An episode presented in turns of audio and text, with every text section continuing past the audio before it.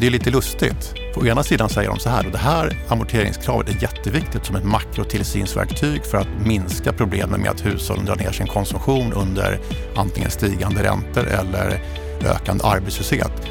Men när de får kritik eh, mot amorteringskraven, då säger de att det har bara formaliserat bankernas tidigare krav. Då måste man ju bestämma sig, antingen har det stor effekt eller också har det inte det. Båda de där grejerna kan inte vara sanna samtidigt. Ja, han menar att Finansinspektionen säger emot sig själv. Robert Boye, chefsekonom på SBAB, är mycket kritisk till sin tidigare arbetsgivare.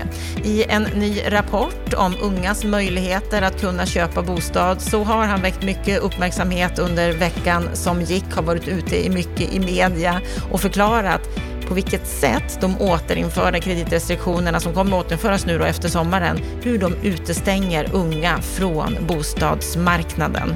Han är kritisk till hur Finansinspektionen, till hur politikerna agerar i den här frågan. Men han är också kritisk till bankerna, att kalkylräntorna ligger på en för hög nivå. Han menar att här finns det saker att göra.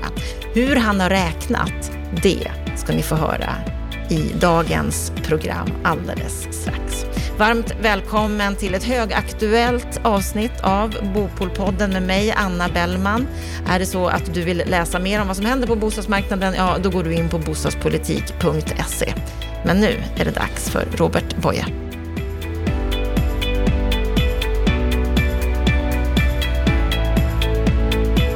Det finns mycket att läsa om unga vuxnas svårigheter att ta sig in på bostadsmarknaden. Flera förklaringar har tagits upp i debatten. Vissa pekar på att bostadspriserna är för höga. Andra att det är bankernas höga kalkylräntor samt de senaste årens införda amorteringskrav och bolånetaket som är det största problemet. Några menar istället att det byggs för lite och att det som ändå byggs inte är anpassat prismässigt för unga vuxna. Så börjar rapporten Unga och bolån, en rapport om ungas möjligheter att kunna köpa bostad som publicerades, släpptes den 11 maj förra veckan. Skriven av SBABs analytiker Sten Hansen och chefsekonom Robert Boye. Varmt välkommen till Bopolpodden Robert. Tack för det Anna. Vad är din sinnesstämning idag? Ja, men den är ganska bra. Vi la ner rätt mycket arbete på den här rapporten så det känns rätt skönt faktiskt att vi har fått det här i hamn. Och en annan bra grej är att min generation nu äntligen ska få en vaccinationsspruta. Det känns ja, lite kul. Ja, du väntar min... på den? Precis. Eh, så att ja, min sinnesstämning är väldigt bra just nu. Skönt mm. att höra. Det är inte alla som har den sinnesstämningen. Nej. För de som inte känner till dig Robert, så är mm. du som sagt chefsekonom på SBAB, doktor i nationalekonomi. Du var tidigare på Riksbanken, Finansinspektionen analys och utredningschef på Finansdepartementet respektive Riksbanken. Du har varit samhällspolitisk chef på Saco. Och du är nog den mest flitige debattören i media när det gäller bostadspolitiska frågor. Varför är du så engagerad i det här? Jag vet inte. Jag, har alltid varit så här genuint vad ska jag säga, samhällsvetenskaplig och samhällspolitiskt intresserad. Och det är klart, jobbar man som chefsekonom på SBAB så, så är det ju liksom fullt fokus på bostadsmarknaden. Så att det är svårt att inte vara intresserad av det då. Ja, men jag tycker det är, alltså bostadsfrågorna berör ju så väldigt många personer också. Så att eh, liksom det är en viktig del av allas vardag.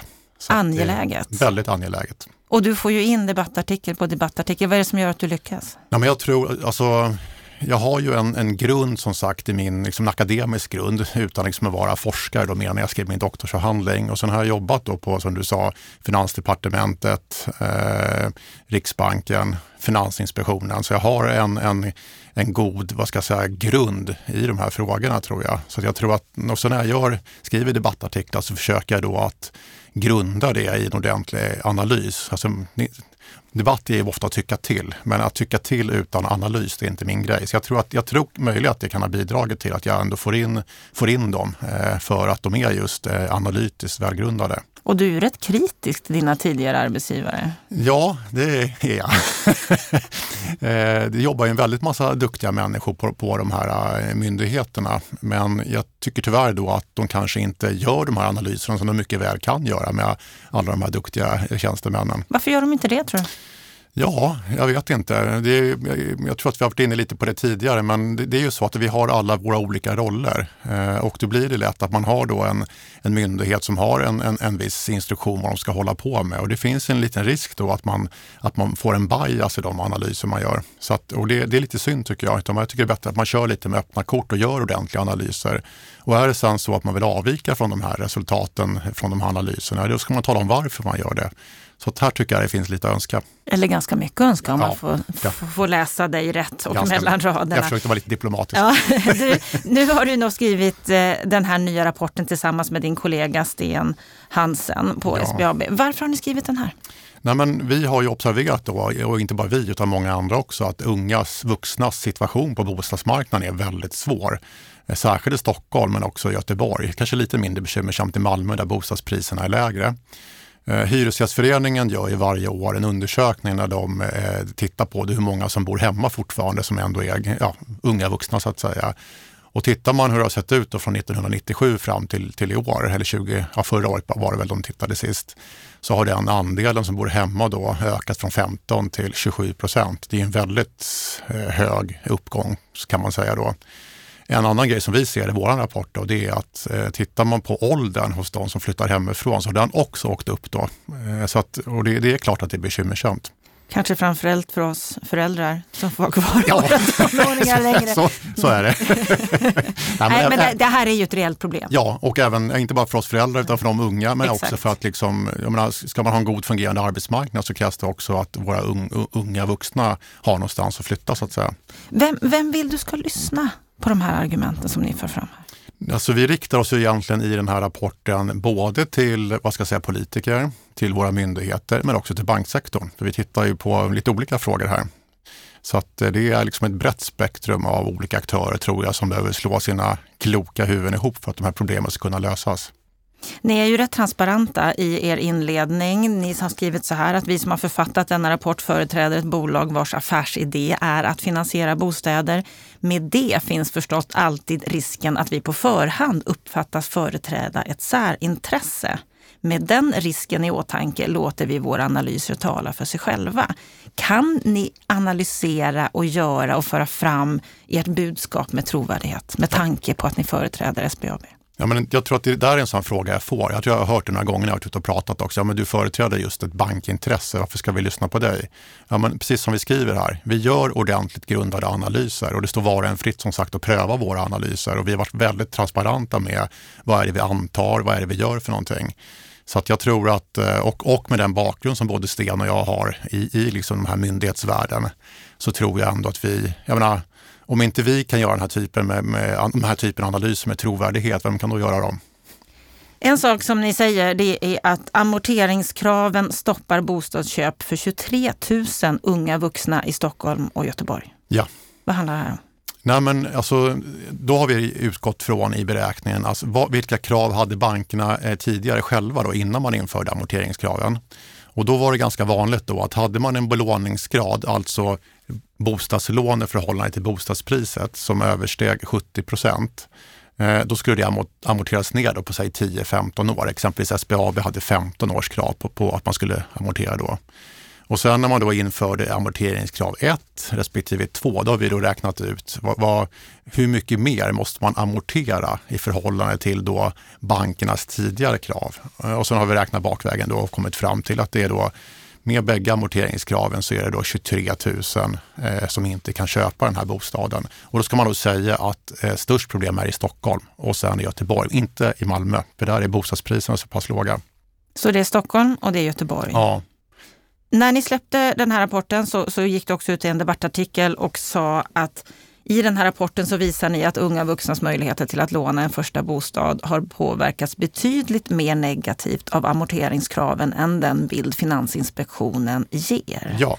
Och det här måste rimligtvis vägas in i en samlad bedömning av amorteringskraven. Vad skulle du säga att Finansinspektionen inte ger när det gäller en rättvis bild av det här läget? Ja, men, eh, Erik Thedéen, om vi tar ett exempel, då, han gick ut i en, en artikel på DN Debatt här, jag tror att det var 2018, eh, där han säger att amorteringskraven i praktiken bara formaliserat de krav som bankerna redan hade när de infördes.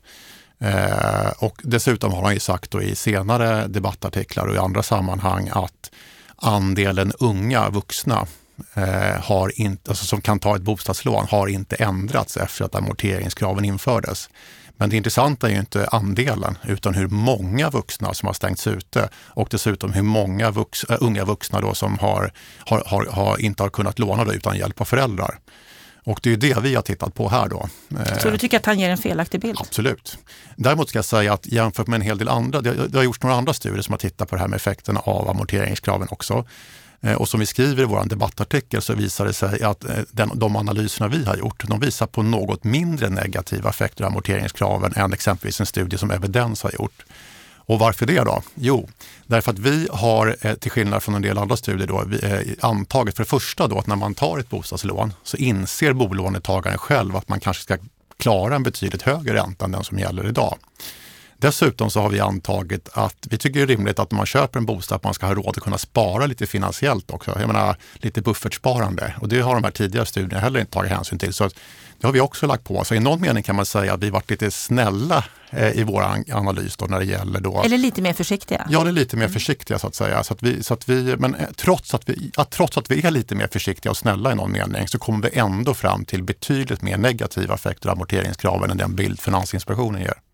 Under pandemin så har det ju varit välkommet att amorteringskraven har pausats. Ja.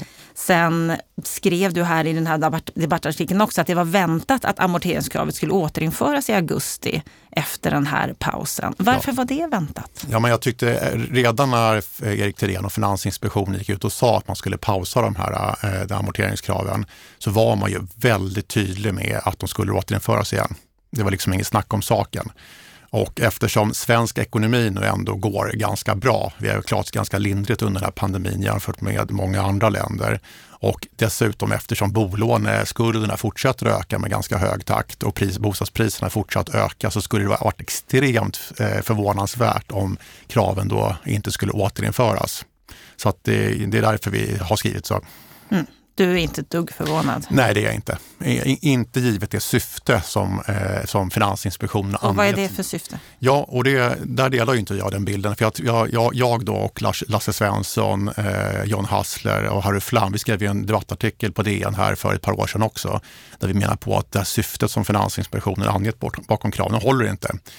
Om man läser beslutspromemorian eh, till det första amorteringskravet när det infördes så skriver man tydligt då från Finansinspektionens sida att man vill undvika en situation då att man får en, säg en lågkonjunktur eller högt stigande räntor så ska då hushållen dra ner sin konsumtion kraftigt om de har höga bolån. Det är det som är tesen så att säga.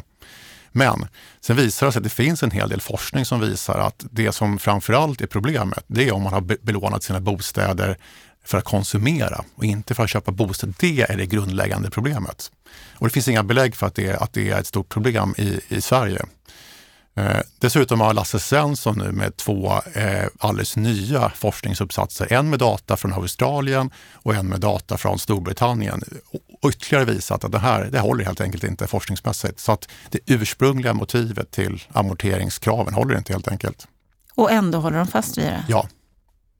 Det ni också skriver här i debattartikeln det är ju att amorteringskraven har dock stora bieffekter mm. som FI bortser ifrån. Vilka bieffekter bortser Finansinspektionen ifrån? Ja, men det är ju framförallt den, de negativa effekter de har för ungas möjligheter att kunna köpa en, en, en bostad. Och problemet är ju inte bara den, den liksom, vad ska jag säga, ägarmarknaden utan vi, de ungdomar i Stockholm och i Göteborg eh, kan ju heller inte komma över en hyresrätt på grund av det många, många års kö till dem. Så dels stängs de ut ifrån hyresmarknaden och dels har man då eh, tuffa kreditrestriktioner som, som också bidrar till att stänga ut eh, unga vuxna. Och det är klart att det blir ett problem. Och sen har vi bolånetaket också som antingen innebär att man måste spara ihop länge till en, till en, till en eh, kontantinsats alternativt att ta ett blankolån med, som också är höga amorteringskrav på och dessutom då en högre ränta än på bolånet.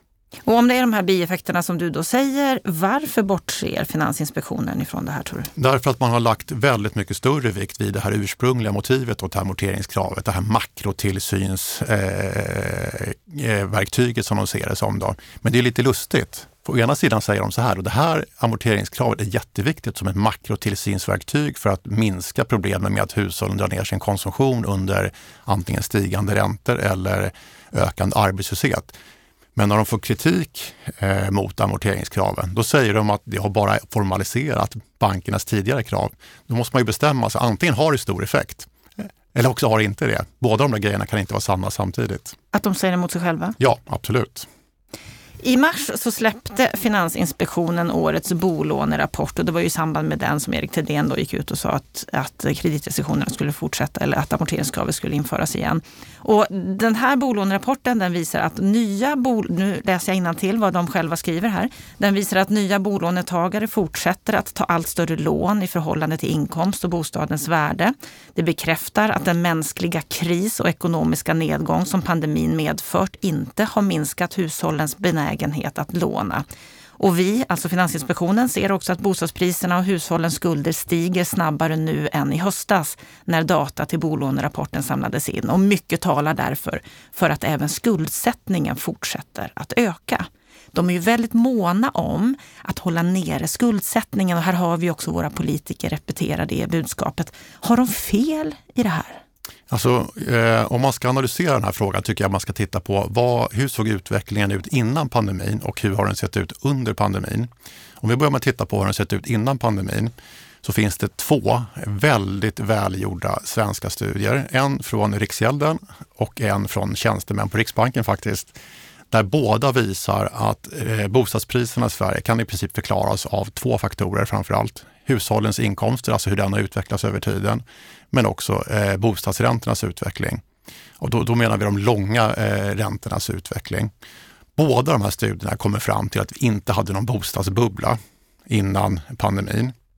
Om vi sedan då hoppar till eh, eh, under pandemin, då stämmer det ju som Finansinspektionen säger då att vi har haft en ganska kraftig prisuppgång, eller vi har haft en väldigt kraftig prisuppgång under det här coronaåret kan man säga. Det har jag också sagt i flera sammanhang. Eh, och vad beror det på då? Ja, det beror inte på att räntorna har sjunkit särskilt mycket utan de, de ligger ungefär på samma nivå som de gjorde för ett och ett halvt år sedan. Utan där, det, som, det som har hänt under pandemin det är ju att hushållen helt enkelt har värderat upp värdet av att bo i en sån här situation som pandemin har, har varit. Eh, många söker sig till större bostäder därför att många har jobbat hemifrån eh, och särskilt till villor. Villorna har ökat mest i pris det senaste året. Eh, därför just att det finns större bostadsyta i villor.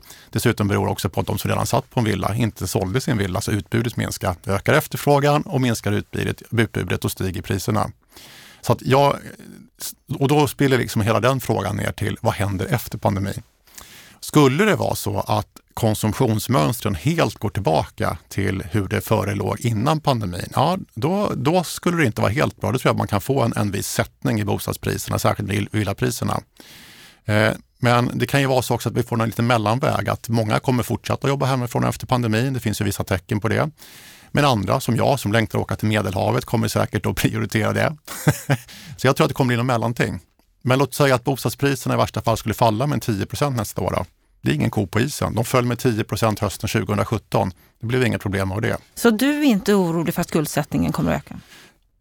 Alltså skuldsättningen kommer att öka tror jag, men jag är inte, jag är inte så särskilt orolig för eh, betydelsen av den så att säga. Absolut inte lika orolig som, som eh, Riksbanken Nej, för de lägger en otrolig vikt ja. vid det här. Det de också skriver det är att sett över en tioårsperiod så har hushållens lån ökat med omkring 90 procent och bostadspriserna i landet som helhet med 75 procent. Mm. I de större städerna så är uppgången för både lån och priser långt större. Och under samma tid så har hushållens disponibla inkomster bara stigit med lite mer än 50 procent. Det vill säga att det går inte hand i hand det här. Mm. Så är det inte klokt av Finansinspektionen att värna hushållen, att de inte ska skuldsätta sig mer än vad de eventuellt då klarar? Det är alltid klokt att se till att bankerna inte lånar ut mer än vad som är hållbart. Men det de glömmer bort i den här analysen, de skriver säkert det, men de kanske inte lyfter fram det, det är ju att realräntorna har fallit jättemycket jättemycket sedan mitten av 90-talet i Sverige. Om man trodde att realräntorna skulle sticka upp väldigt snabbt nu, ja då klart, då, då hade vi haft en liten besvärlig sits. Men det är inte mycket som talar för det. Så att man kan inte bara säga att, att oj vad bostadspriserna ökar som andel av hushållens inkomster utan att titta på vad som har hänt med realräntan över tid. Jag vill upprepa igen, därför att det är inte första gången du är ute och pratar om det här. Nej. Du har gjort det många gånger Ja. i många debattartiklar och många av dina så att säga, kollegor i branschen, du har ju nämnt några av dem, att ni har gått ut i gemensamma debattartiklar och så vidare. Om det är så att du och ni har rätt, varför fortsätter då Finansinspektionen sin linje? Ni är ju så många som räknar på det här. Ni lägger fram bevis på bevis, uträkning på uträkning i vad ni tycker är rätt. Jag tror att man, jag tror att Erik Thedéen sa någonstans, jag vet inte om det var tal eller någonting från, som Finansinspektionen gav ut, att han tillämpar en försiktighetsprincip. Eh, jag tror inte de vill riskera att hamna i en situation där man liksom eh, på något vis inte gör någonting och sen blir det en, en, en, en bostadskrasch. Och sen så var det så, men varför gjorde ni ingenting? Så jag tror att man liksom har både hängslen och livrem i sitt sätt att tänka här. Men man har ju inget stöd, vetenskapligt stöd eller forskningsstöd i, i, i det de gör så att säga. Utan det, jag tror att här går de mer på magkänsla. Eh, och det tror jag Riks, Riksbank, delar av Riksbankens ledning också gör. Men är det försvarbart? Hur länge kan de gå på magkänsla? Ja, ja det, jag, jag tycker så här. Eh, gör analysen. Visa på vad, vad, den, alltså, vad visar analysen? Och om det är så att de kommer fram till en sak med sin analys och sen ändå väljer att gå på magkänsla, ja men fine, då får de väl göra det. Men så länge de inte gör analysen som, kan peka, som pekar i ett annat håll så tycker jag man, då har man inte gjort sitt arbete ordentligt. Vad skulle få dem att göra analysen som du menar saknas? Ja, jag vet inte. Håller de med om att de saknar analysen? Ja, det var en bra fråga. eh, Den frågan har de aldrig fått. Nej, jag kan inte svara på det. Det jag också skulle vilja ta upp med dig, som, som, som du pekar mycket på i, i rapporten och i en debattartikel här, det är ju det här med KALP, kalkylen, alltså kalkylräntan, kvar Ja. att leva på kalkylen. Ja, Det vill säga att den som tar ett lån ska kunna klara av att betala en ränta, eventuella amorteringar, även om räntan ska gå upp. Och här ligger ju idag boräntorna runt 1,5 procent i genomsnitt, samtidigt som kalkylräntan, den som ni banker räknar på, ligger mellan 6 och 8 procent beroende på bank, i snitt 7 procent. Ja. Och det du har tagit fram här i rapporten det är att 21 000 21 000 fler unga i våra storstäder skulle kunna låna till en etta om man sänker den här kalkylräntan till 5 procent. Hur har ni räknat ut den ja räntan? bra fråga.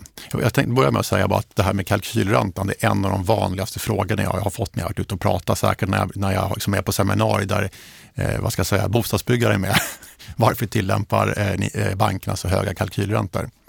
Så En relevant fråga. det är en, jag tycker så här, med tanke på att räntorna har sjunkit så kraftigt som de har gjort eh, under många år, så det är en allra högsta grad relevant fråga. Och med tanke på att många säger att den inte kommer att öka Ja. med största sannolikhet särskilt mycket Ja, framåt. så jag tycker det är en- helt, alltså jätterelevant fråga. Jag fick den här frågan i Almedalen på Veidekkes seminarium. Jag tror att Stefan Attefall var moderator. Och då, då han sa att när jag hade svarat på den frågan så här, att jag, jag, Boje slingar sig likt en politiker som en hal ål, tror jag han sa, någonting åt det hållet. Så att, eh, jag tänkte ju på det här sen ganska mycket. Och så tänkte jag när vi skrev den här rapporten om unga bolån, då måste vi titta på den här frågan. Så då, därför gjorde vi det. Så att du inte ska få den, Nej, det epitetet igen att du är ett hal- halål. Precis, och vad gjorde vi då i den här rapporten? Jo, då gjorde vi så här. För det första tänkte vi så här, vad, vad kan det vara en normal bolåneränta på lite sikt? Vi tror ju ändå inte att de här låga räntorna vi har nu ändå liksom kommer vara hela tiden. Utan då, tänk, då tittade vi lite på vad säger forskningen är liksom en, en, eh, en så kallad jämviktsränta som vi säger, en real, real jämviktsränta. Vi antog sen att inflationen ändå kommer upp till 2% och sen landade vi lite så här mellan tummen och pek, pekfingret på att ja, men på lång sikt kanske en normalränta ändå är runt 4% en normal bostadsränta.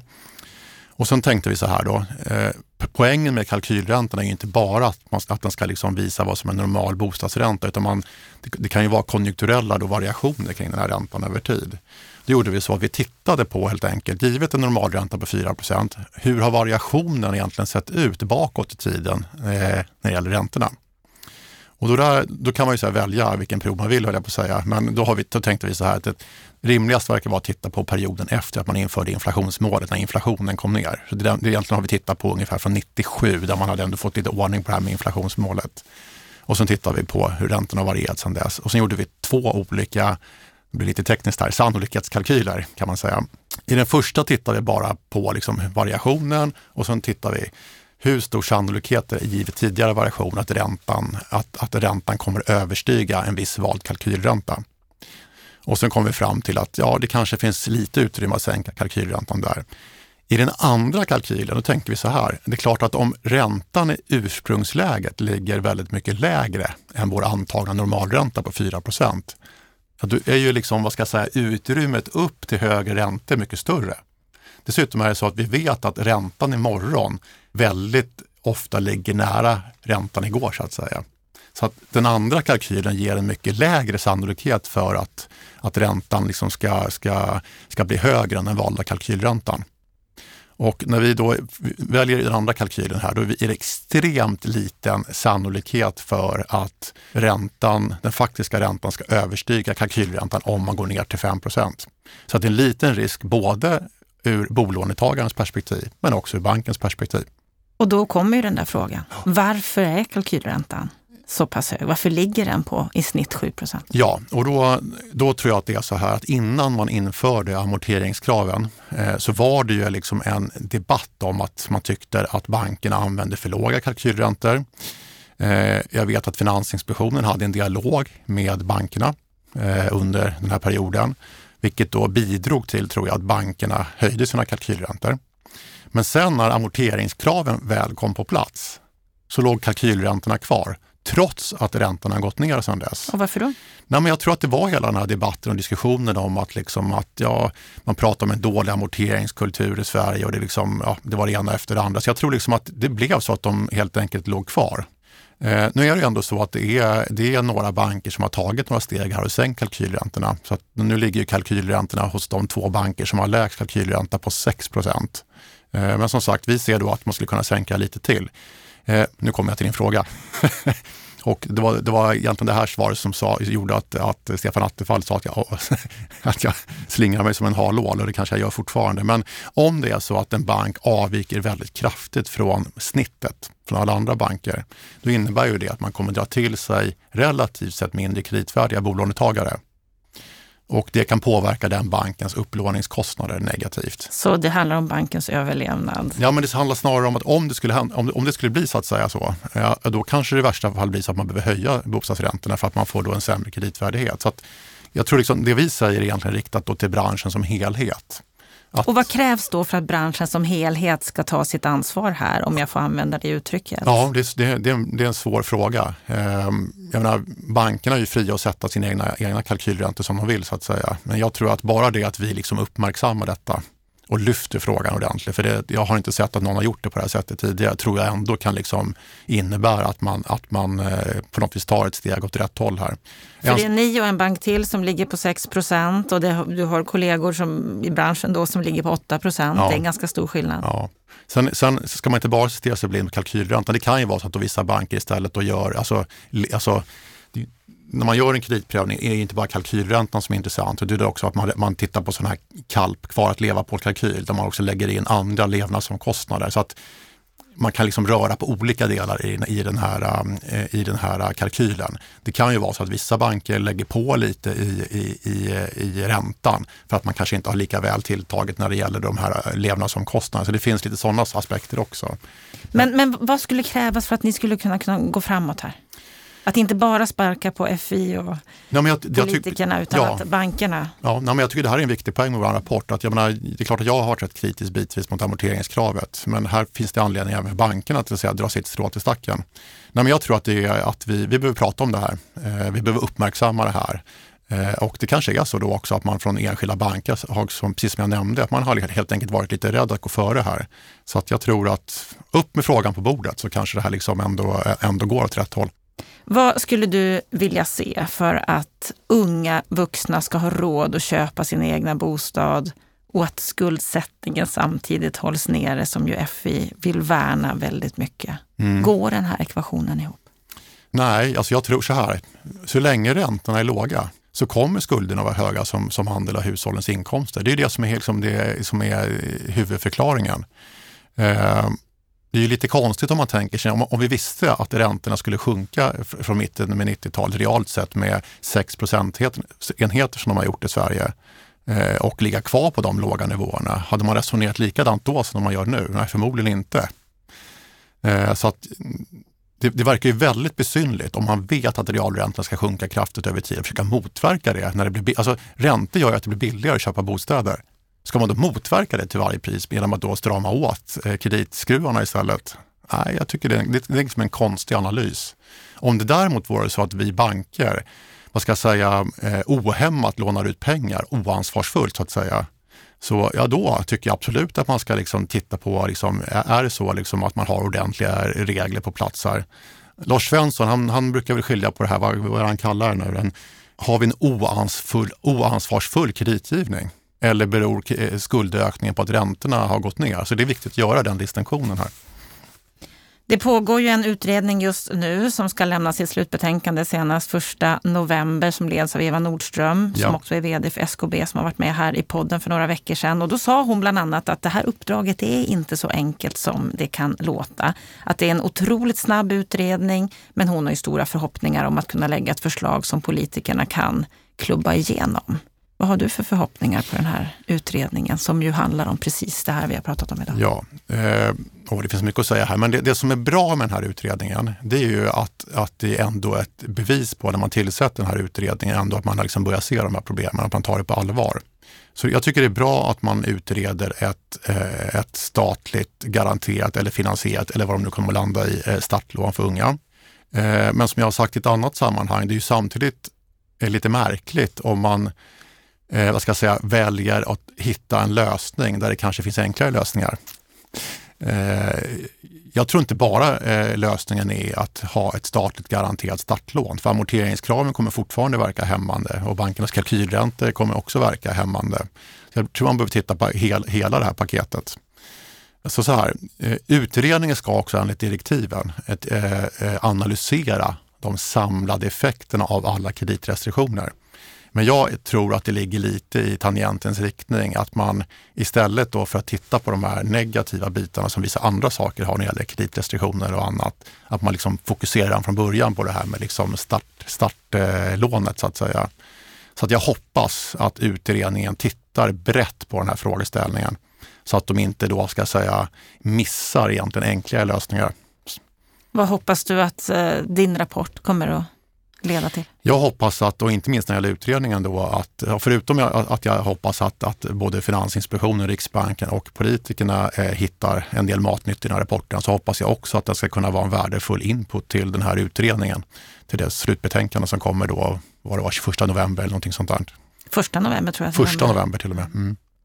Då får vi hoppas att den kommer att bidra till det. Jag kommer i varje fall skicka in den till utredningen. Ja, det låter bra. Och stort tack för att du kom och berättade om den här i Bopolpodden. Tack, tack för det, Anna. Tack. tack.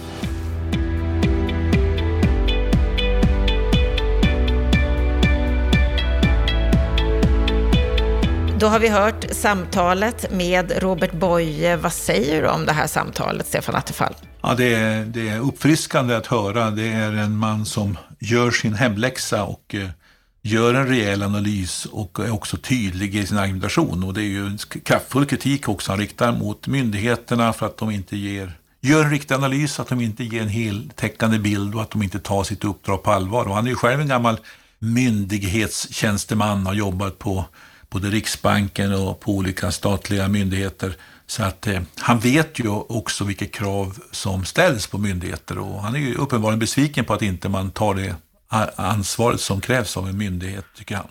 Ja, han är ju otroligt kritisk och han eh, lyfter ju fram verkligen att de här makroriskerna som Finansinspektionen har poängterat, de ger han inte mycket för.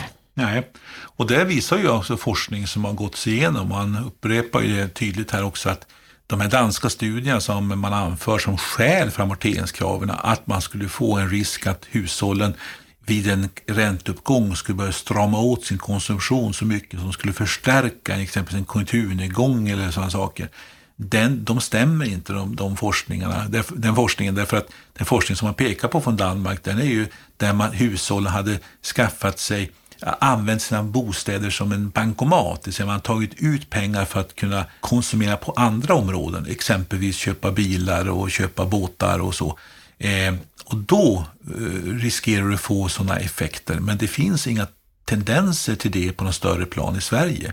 Och, och det kan inte heller Riksbanken eller Finansinspektionen påvisa i sina studier. Så att eh, han, de, han är på liksom verkligen, vad är det för forskning ni grundar er på? Vad är det ni säger? Stämmer det? Och där blir ju Finansinspektionen svaret skyldig. De, de går ju inte en polemik på sak i de frågorna, har inte gjort det hittills i alla fall. Något som Finansinspektionen har lyft upp många, många gånger, det är ju risken med att skulderna ökar. Är det inte ett problem att hushållen skuldsätter sig för mycket? Ja, alltså du måste skilja här också på två saker. Det ena är ju enskilda hushållet som kan skuldsätta sig för mycket. Det ska bankerna se upp med och vara noggrann med. Det är ett konsumentperspektiv, alltså enskilda konsumenter kan hamna. Det andra är ju då om vi skulle få en makrorisk, det vill säga så många hushåll ska skuldsätta sig så mycket så att det blir problem för hela ekonomin. Men då vet ju alla att om du, ska, om du bygger mer bostäder eller du har sålt en del bostäder från hyresrätter till, till bostadsrätter, ja, men då ökar ju upplåningen bland hushållskollektivet. Det per definition. Alltså varje nybyggd bostad innebär ju en högre belåning. Så att skulder i sig är ju inte ett problem, utan det är ju relationen mellan skulden man har och det värde man har. Och då är ju fastighetens värde, men också andra tillgångar man har. Och Sverige, svenska hushåll har ju aldrig haft så bra ekonomi som man har idag när det gäller tillgångssidan. Det vill säga man har tillgångar som vida eh, täcker de här sakerna. Man, man tror att eh, en, en ekonom räknar ut att vi har fem gånger så höga tillgångar som vi har skulder. Alltså det finns en en, en betydande tillgångssida som balanserar skuldsidan. Och det är den relationen som är det intressanta. Och sen den andra relationen, har jag förmåga att betala mina skulder? Det vill säga, hur är räntekostnaden som en andel av, av, av disponibel inkomst? Och där betalar vi för våra boendekostnader kanske, ja vi är nere på ganska låga nivåer och, och det innebär att där finns ingen heller eh, eh, eh risk. Men som sagt var, enskilda hushåll kan mycket väl ha risk, men det måste man ju ha koll på. Och det är ju en uppgift för bankerna att se till att man inte får kreditförluster, att enskilda hushåll hamnar i kläm. Men som du säger, det här är någonting som alla vet. Det här vet väl Finansinspektionen också? Jo, men det låter som att alltså de, politiker är ju duktiga på att köra lite, lite ska säga, schablonmässiga argument som har folklig genklang. Och lite grann så upplever ibland Finansinspektionen gör också. Det vill säga man, man kör med argumentet ojsan, priserna stiger snabbt, det måste vara problem. Ojsan, hushållens skulder ökar, det måste vara problem. Och det känner ju folk instinktivt, ja men det låter ju osunt. Men man går inte på djupet kring, är det ett problem? Därför att om vi inte har fallande räntor, då hade det varit problem. Men vi har fallande räntor som gör att vi har kunnat låna mer och ändå få en bättre privatekonomi. Och notera också och det säger Robert Boye här också i programmet, att de viktigaste faktorerna för hushållens, ska säga, eh, köpa varför man har råd att köpa de här bostäderna och låna mer, det är ju att man har haft fallande räntor och ökande realinkomster. Och det är ju positiva saker i ekonomi. Hade vi haft fallande reallöner och, och eh, ska säga, eh, stigande räntor, ja, då har det fått en helt annan utveckling. Men vi kan ju inte ha som ambition att folk ska bli fattiga bara för att de ska eh, därmed sänka bostadspriserna. Utan det är ju en välståndsfaktor i att vi har detta.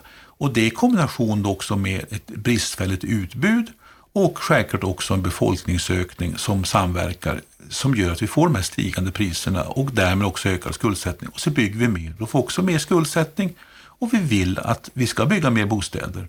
Så att det går inte att komma ifrån detta. En ökad nyproduktion av bostäder, ökad skuldsättning. Är det ett problem? Nej, det är ju, vi bygger ju kapacitet för framtiden. När vi hörde Henrik Braconier från Finansinspektionen i P1 förra veckan så sa han ju bland annat det här att det stora problemet är att priserna stiger.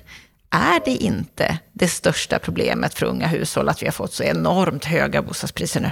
Jo, det är klart att det är ett problem på ett sätt. Men Eh, det, det, ska ju stå i relation då också till vad kan man, vad, vad, vad blir kostnaden när man har köpt sin bostad. Och jag menar, det vet vi också av alla studier att alternativet att köpa oftast en nyproducerad hyresrätt och då är alltid det ägda boendet billigare, särskilt om du ska bo kvar under längre tid. Eh, sen gjorde jag också Lars E.O. Svensson, som ju inte man kan beskylla för att vara en, en okunnig person, tidigare vice riksbankschef och en av Sveriges mest kända professorer i nationalekonomi internationellt sett. Han räknade också på, när man införde amorteringskraven, det andra amorteringskravet, då fick man ju sättning i marknaden på ungefär 10 procent. Men skulle man kompensera för prisökningarna, då skulle man fått sänka priserna med 37 procent. Alltså han visar på att storheten är så enormt. Du måste så kraftigt sänka priserna på marknaden för att du ska kompensera eh, för detta. Det innebär alltså att det är inte en lösning att försöka tvinga ner priserna genom amorteringskrav, för du måste ta till så kraftfulla metoder att du verkligen höjer trösklarna för alla att köpa sin bostad.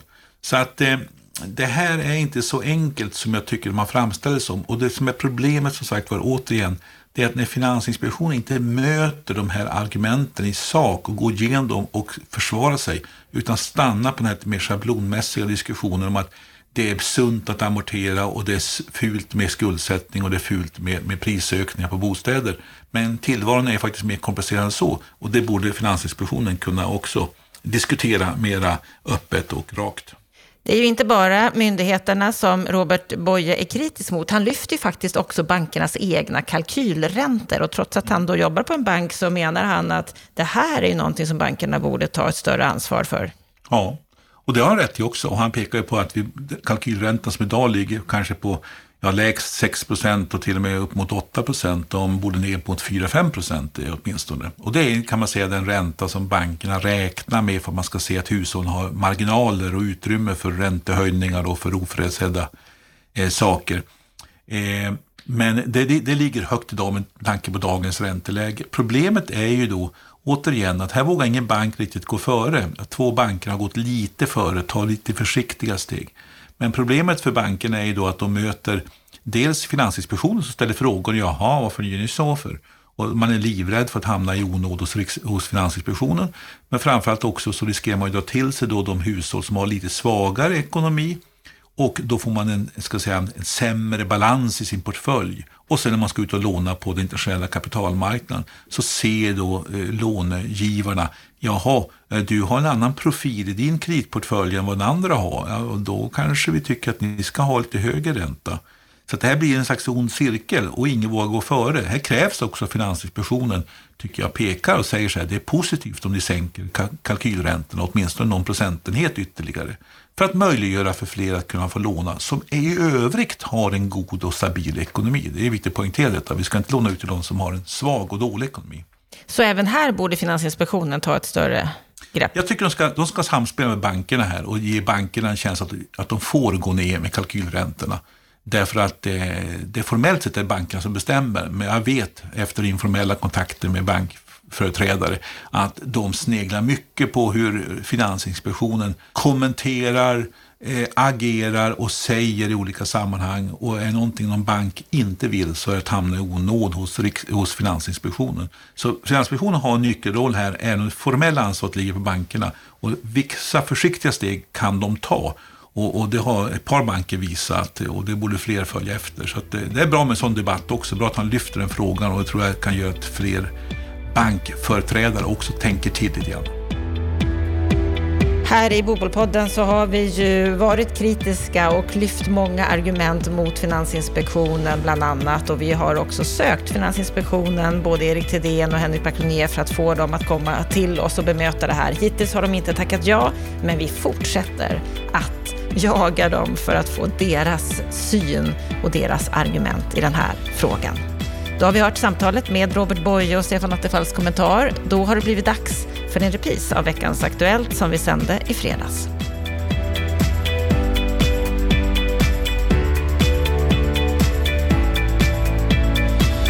En person som verkligen har varit i ropet under den här veckan, det är Robert Boye, chefsekonom på SBAB. Han har varit ute mycket i media, i flera olika medier, för att han och hans kollega Sten Hansen har skrivit en rapport om ungas möjligheter att köpa bostad. Och han är precis som tidigare mycket kritisk till Finansinspektionen och de amorteringskrav som ska återinföras efter sommaren. Men han är också kritisk till bankernas höga kalkylräntor som också stänger ute unga vuxna från bostadsmarknaden. Ja, vad säger du om det här som Robert Boye har gått ut med i media, Stefan Attefall? Ja, han är ju oerhört tydlig, inte minst i sin kritik mot myndigheterna och framförallt då Finansinspektionen, för att han kallar det ju för att de har brist på analys och ger en felaktig bild. Och, eh, ja, så det är ganska hårda ord han använder sig av för att eh, beskriva det han tycker är en, helt enkelt ett dåligt jobb från myndigheternas sida. De analyserar helt enkelt inte tillräckligt bra vad är som händer och vad är som sker och vad säger forskningen. Sen är det en svidande kritik eh, och jag lyssnade på ett inslag med Robert Boye och eh, Henrik Branconer som är då chefsekonom på Finansinspektionen i, i radions P1. Och eh, där uppenbart är ju att eh, eh, Branconer har ju svårt att möta i sak. Utan det blir den här typen av argument att ja, men det är farligt med skuldsättning, det är farligt med prisökningar och, och att inte amortera är, är osunt. Och det blir inte mer precis än så. Men, men Robert Boyes analyser bygger ju inte på att det ska slutas amortera utan man ska hålla vid de, vid de principer som var kanske före amorteringskraven. Det att man ska amortera ner alla lån som är större än 70 procent av husets värde under en 15-årsperiod. Och så det finns ju amorteringskrav och han bortser inte från bolånetak utan han, han kritiserar helt enkelt argumenten för att införa de här amorteringskraven och skälen för detta. Och där får han ju inte bra motargument och det är intressant. Det är ju inte bara Robert som är kritisk till Finansinspektionen och Riksbanken och, och de kreditrestriktioner som finns. Tycker du att eh, Finansinspektionen nu inte tar tillfället att bemöta det här på ett bra sätt? Alltså, som jag sa så Henrik Branconer var ju ovanligt nog vill jag säga i diskussion, en kort diskussion i ett eh, morgonprogram på P1. Eh, men eh, hittills har ju problemet varit att den här typen av saklig kritik som Robert Boye, Lars O. Svensson, Harry Flam, eh, eh, John Hassler kommit med har ju inte bemötts i sak. Typ att man svarar på DN Debatt på samma sätt och går igenom argumenten och förklarar sig. Och det tycker jag är det kanske mest anmärkningsvärda. Det blir alltså ingen intellektuell diskussion utan det blir den här lite, lite politiska pajkastningen. Är det sunt eller osunt att spara och är det bra eller dåligt att, hyr, att priserna går upp? Men det är inte det diskussion handlar om utan det är ju vad är de sakliga skälen för en myndighet att vidta kraftfulla ingrepp i en privathushållens ekonomi? Eh, och det är där Robert Boye med flera är på dem och eh, får inte bra svar. Och vi ska ju gå igenom det här lite djupare kanske också när vi lyssnar på en intervju med, eh, med Robert Boye i Bopolpodden som kommer. Och då eh, får vi anledning att syna mer i sömmarna vad han säger. Men där tycker jag det, det, det demokratiska problemet ligger att inte myndigheterna går i sakdiskussion. Mm, precis som du säger, det som har varit i media i veckan det har varit ganska korta inslag. Vi har ett längre samtal med Robert Boye som kommer att sändas på måndag, så lyssna gärna in där. För där kommer han att förklara sig ytterligare vad han menar och vad han tycker att Finansinspektionen då exempelvis gör fel. Om vi går vidare här i veckans Aktuellt så ska vi lyfta ett par som vi också har haft med i Bopolpodden tidigare, Johan och Anna Penser. De vill bygga 27 tomter på Löparö. I DI i veckan så kan vi läsa att en infekterad maktstrid stoppar företagarparets skärgårdsvision, att allt är förbjudet. Vad är det som gör att deras skärgårdsvision stoppas? Ja, det är intressant därför att det belyser tror jag, lite mer generella problem för eh, den här typen av, ska vi säga, relativt tätortsnär landsbygdsutveckling. Därför att vad de möter här, de vill ju då bygga de här 27 villorna på en ö.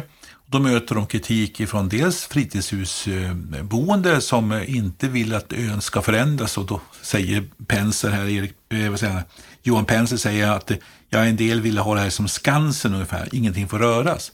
Sen har vi kommunen som inte vill ge planbesked heller för att eh, utveckla det här. Och ibland så anför de ju att då måste man bygga ut det kommunala VA-nätet och det blir stora kostnader och då måste man tvångsansluta alla fritidshus till VA-nätet. Och då, är det de, eh, då kommer de bli arga för att de betalar högre avgifter och sådana saker. Alltså kommunens då prioriteringar och både planresurser men också hur de ser på sitt, sitt eh, VA-nät eh, förhindrar då landsbygdsutveckling som det här handlar om trots allt. Och, och, så finns det exempel i den här artikeln också på andra ställen där man har gått in och investerat i, i olika orter och fått en positiv utveckling. Och det är lite, den här frågan är ju grundläggande. Ska vi låta landsbygden vara en liten idyll, eh, orörd, eh, för fritidsboenden som vill åka dit och har det ostört? Eller vill vi ha liv året runt på de här bygderna? Och då kommer man i den här typen av målkonflikter. Det finns ju också en statlig utredning som är, har kommit med ett förslag som ännu inte har resulterat i någonting ännu, men som handlar om att just förändra kanske en del kring VA-lagstiftningen för att göra det lättare att genomföra den här typen av projekt. Och det kan vara ett steg på vägen att utveckla landsbygden. Men jag tycker att här måste man bestämma sig. Vill vi ha landsbygdsutveckling? Vill vi att folk ska kunna bo småskaligt i en bit ifrån våra, våra större städer, ja då måste vi också våga släppa fram bebyggelse på den här typen av ställen. Nu kan inte jag exakt just Löparö, men det illustrerar tycker jag en debatt som dyker upp på ganska många ställen i Sverige. Och där skiljer det sig väl åt, tänker jag, eftersom det är kommunerna som tar besluten.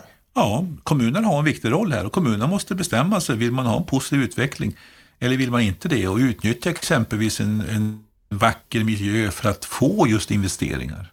Eh, eller vill man låta, i det här fallet då Löparö, vara en liten idyll för fritidshusboende framför allt? Men, men det är ju faktiskt människors eh, permanentboende som måste ändå vara mest i fokus tycker jag. Om vi går vidare så kan vi läsa att vi har fått ny statistik ifrån SCB i veckan. Det totala tillskottet av bostäder genom ny och ombyggnad för förra året, 2020, uppgår till 54 134 lägenheter. Det är 8 procent färre än året innan.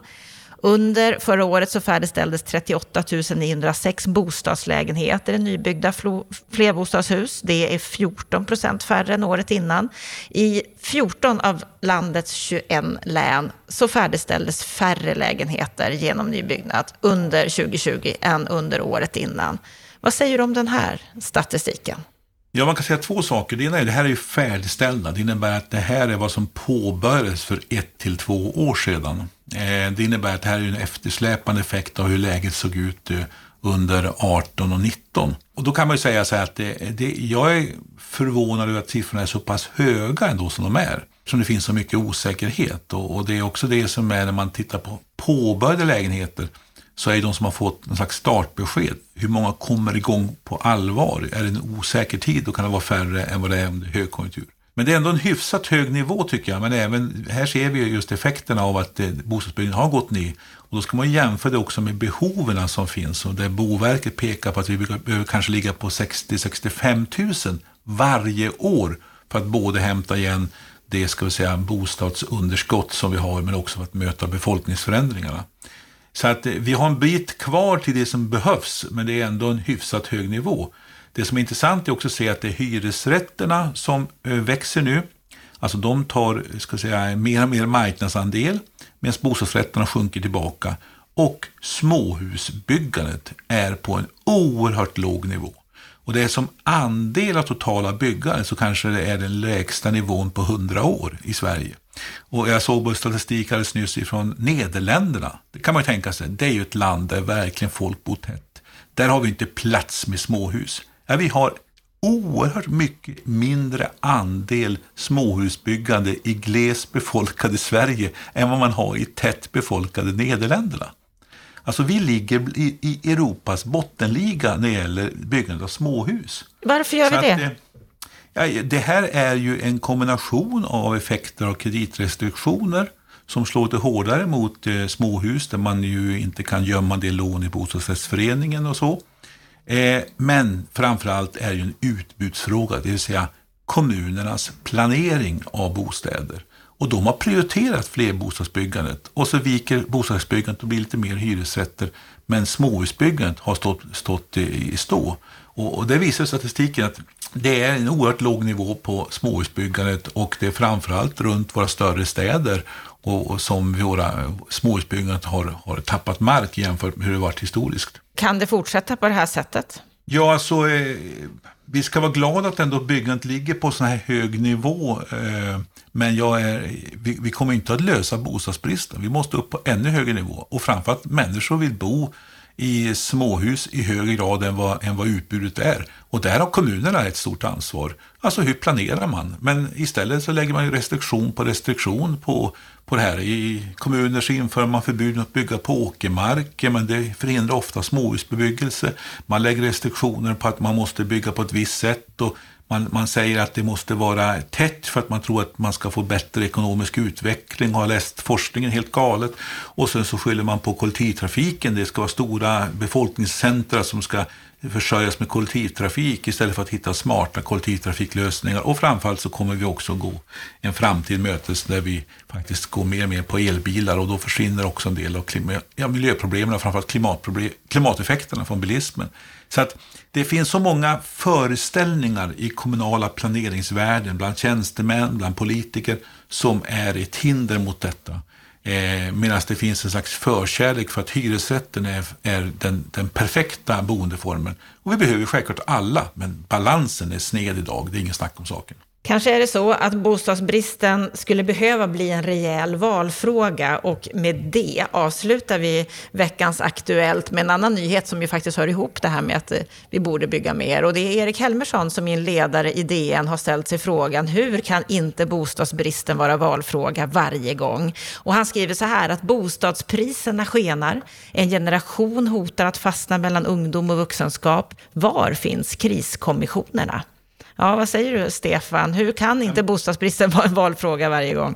Ja, det, det faktiskt kan man fråga sig och han pekar just på detta att det handlar ju om, om eh, hur vi ska lösa bostadsbristen. Men han skriver ju också, vilket jag tycker är en bra poäng, att bostad är inte så mycket en, det, det är en existentiell fråga också. Det handlar om mänsklig värdighet. Tak över huvudet, mat för dagen och nypa kärlek är väl själva fundamentet i det som bygger ett liv. Och det är svårt att inse fulla eh, vilka effekter det blir om en ung människa eh, inte får få möjlighet att starta ett eget liv mellan egna väggar. Alltså det har att göra med en grundläggande del av vår tillvaro, att kunna bo någorlunda vettigt. Och eh, han frågar sig ju varför lyfts inte de här frågorna upp? Och jag läser en annan artikel av Jonas Nordling på Arena, Dagens Arena. Och, och han, han funderar egentligen samma sak från en annan vinkel. Och, men han läser också statistik över hur väljaren prioriterar olika frågor och han konstaterar att 2012 så hade enligt Novus eh, så hade varit, tyckte 40 procent av väljarna att det här var en viktig valfråga och nu är vi nere på, eh, vad sa han, skrev han, 12 procent. Alltså, eh, vi, vi, vi, väljarna lyfter inte fram den här frågan eh, så tydligt och det blir alltså inte därmed en viktig fråga. Så det är lite grann också väljarnas fel. Det är hans poäng. Kan man skylla på väljarna? Eller ska vi ge lite mer kritik till politikerna som inte lyfter det här tillräckligt mycket? Det är både och. Alltså väljarna, ja, men du vet ju själv hur det är runt på middagar och, och bland kompisar och vänner och bekanta. Så, inte minst i våra storstadsområden och våra större städer så snackar man om bostadspriser, eh, folk som har stått i kö för lägenheter, folk som har köpt sin lägenhet och vad man fått betala och allt sånt där. Alltså folk pratar om bostadsfrågan, det är inte problemet där. Problemet tror jag att väljarna har svårt att adressera vem har problemet i sin hand. Därför att det är ju ett delat ansvar mellan kommuner och stat. Alltså om jag skäller på bostadsministern så har bostadsministern bara begränsad makt över frågan. Dessutom ligger det på olika delar inom, inom ska säga, regeringssidan. Det är lika mycket en kreditrestriktioner och finansmarknadsministerfråga som det är en bostadsministerfråga som det också är en miljöministerfråga med miljöbalken som har massa restriktioner. Och sen har partierna också internt svårt att ha en riktig linje därför att det finns ett kommunparti i varje parti och ett riksdagsparti. Och de där drar inte alltid samman. Jag har på en del eh, hearingar som jag har haft eh, med politiker ställt frågan just men eh, vad, tycker ditt, vad, vad, säger du om dina partikamrater ute i kommunerna? Och då svarar en rikspolitiker, ja men jag sitter i riksdagen. Som om de inte vore partiföreträdare. Alltså det blir som två världar även inom partierna. Och det här gör det komplicerat och det gör det svårt och det blir ingen entydighet. Och det sista tror jag också man ska säga det är att kunskapen, den djupa insikten finns hos allt för få politiker om de här frågorna, hur de hänger ihop med varandra. Och då blir det inte heller någon kraft i, i, i ett parti att diskutera frågorna, driva frågorna. Jag menar, om du tar exempelvis eh, jobben, det vet alla hur de ska argumentera och skattesänkningar och sådana saker. Och numera vet alla om de är för eller emot invandring och restriktivt eller inte restriktivt. Men bostadsfrågorna är för diffusa, för svåra och jag tror att det också är en komplexitet i sammanhanget. Men du då Stefan, som har varit bostadsminister och eh, suttit i, i, i gröten, om man får säga så, när det gäller rikspolitiken. Vad krävs för att det ska bli en mer prioriterad fråga än vad det är? Ja, jag tror att det måste dels vara tydligt ledarskap från politiken, att man tar tag i, för det är så många processer du ska driva samtidigt för att få det här att fungera. Och då måste det finnas ett tydligt ledarskap från centrala politiker som driver det här, både som partiföreträdare och som statsråd eller regeringsföreträdare. Så att man, man, har, man håller i frågorna under längre tid. Eh, men sen tror jag man måste också inse att eh, eh alla motståndsfickor som finns i att förändra systemet, de sitter på så många olika håll. Och då måste man våga också utmana dem. Jag menar, ta en, en, bara en sån sak som att en del formuleringar i miljöbalken får oerhört mycket konsekvenser för bostadsbyggandet. Men miljöministern har ju inte bostadsbyggandet som högsta prioritet. En del eh, kreditrestriktioner, Finansinspektionen pratar vi om nu med, med kring Robert Boye, de har amorteringskrav och liknande saker, så de tittar på finansiell stabilitet. Men vem tittar på helheten? Det är ingen så kommunstyrelseordförande eller, eller få kommunstyrelseordförande och få nationella politiker som har som sin främsta karriärbana att syssla med bostadsfrågor. Utan det är mycket mer av miljöfrågor eller vård och omsorgsfrågor eller skolfrågor som är i centrum. Men vi har en ny bostadsminister. Jo, men eh, hon har också ett, eh, hon är språkrör för ett parti vars existens handlar om att lyfta fram miljöfrågorna i valrörelsen. Alltså det är nummer ett för henne. Hon har placerat en annan minister som finansmarknadsminister som inte har kanske någon djupare kunskap om hur de här sambanden hänger ihop. Alltså det, det, det är inte nummer ett. va? Och, och, så är det. Socialdemokratin har inte heller det här som nummer ett. Eh, och på eh, borgerliga sidan så finns inte heller de här frågorna som nummer ett. Och det är det som är problemet här. Va? Det finns öar, det finns tecken, det finns många bra saker som händer och rör på sig. Men, och det finns mycket som händer i positiv riktning. Vi bygger trots allt 50 000 lägenheter. Men det krävs någonting mer för att få snurr på det här. Och mycket av det som byggs idag är ju planeringar som gjordes för många, många år sedan. Så att det är ju långa ledtider tack vare att vi har just en komplicerad process för att få fram bostäder. Så saker och ting händer, men vi har politiker som saknar kunskap om hur bostadspolitiken så att säga hänger ihop. Och ja, av allt att döma kommer det inte bli... att driva frågorna. Exakt, och det kommer ju inte bli någon valfråga i år heller. Troligtvis inte. Ja, bostadsfrågan, nej, det lär inte bli någon valfråga i valet nästa gång heller. Kunskapen hos politikerna är för låg, ledarskapet för dåligt. Och kanske är det så att vi inte trycker på tillräckligt mycket, vi som är väljare. Och när det gäller det här med ungas möjligheter att ta sig in på bostadsmarknaden, där har det ju verkligen lyfts i och med Robert Boyes nya rapport. Det här är en fråga som jag tror att vi kommer fortsätta att prata om mycket och länge framöver. För som det ser ut så kommer ju inte Finansinspektionen att ändra sig i första taget. Stort tack för att du lyssnar på Bopolpodden. Jag hoppas att du finner mycket glädje och nytta av att höra på de här programmen. Sprid gärna och eh, med detta så önskar jag dig en riktigt, riktigt trevlig vecka.